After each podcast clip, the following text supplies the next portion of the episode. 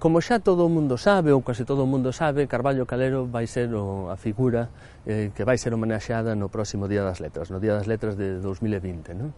Eh, como podedes imaginar, isto representa unha enorme alegría para, para o reintegracionismo e principalmente tamén para a nosa asociación, para a GAL, porque a partir de 1981 el tivo un vínculo máis forte, un maior vínculo eh, coa nosa asociación que con outros colectivos culturais eh, galegos. Non? Entón estamos moi, moi felices, a verdade.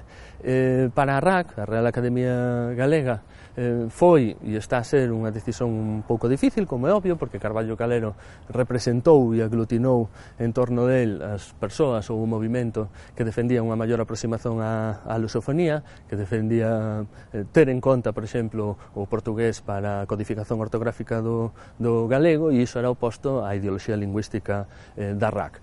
Mas eh, os anos pasan e as posicións modifícanse e hoxe en día están a acontecer cousas que hai cinco anos eu penso que eran eh, prácticamente impensáveis. Non? Basta ver hoxe eh, a maioría dos xornais en que se recolle esta noticia como moitos redactores, opinadores e mesmo académicos da Real Academia Galega non só mostran respeito e respeitan a ortografía eh, que usou Carballo Calero para, para o seu nome, que era con Carballo con V e con LH en vez de con B e, e con L, senón que tamén defenden defenden abertamente que se reabra o debate en torno ao ideario luxista de Carballo Calero e que nese debate poden participar todos os sectores, tamén o reintegracionista. Non?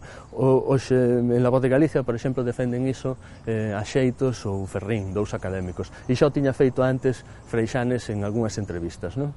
Eh, isto tamén pareceme que é un indicio de que pouco a pouco, co, co paso dos anos, eh, as persoas fomos entendendo mellor que, que é importante entender e aproximarse ás posicións dos nosos contrarios, dos nosos adversarios e comprender as motivacións que les dan para defender as súas posturas. Non? E non só iso, tamén é importante que saibamos, que entendamos que ningunha ideoloxía lingüística, ningunha ortodoxía lingüística está por riba do que as persoas pensan ou do que as persoas desexan, por exemplo, para escrever o seu, o seu propio nome. Non?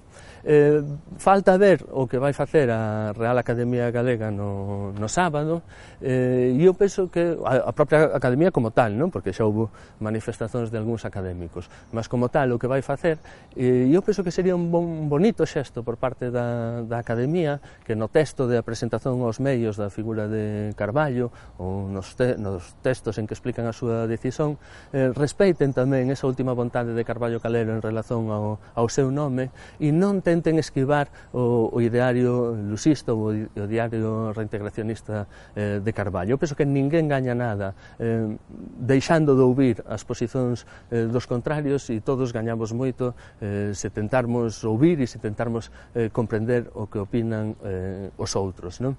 Eh, todas as posicións, todos temos as nosas posicións, eh, todas as posicións de facto seguramente terán vantaxes para o galego, para a normalización lingüística, que é o que ao final importa e é o que ao final importaba máis a, a Carballo Calero, e, e eu penso que o primeiro paso que temos que, que dar para que esta noticia de ser boa pase a ser magnífica e eh, que todos tentemos ouvir máis os nosos contrarios eh, e non impor o noso criterio en cada texto que, que escrevemos.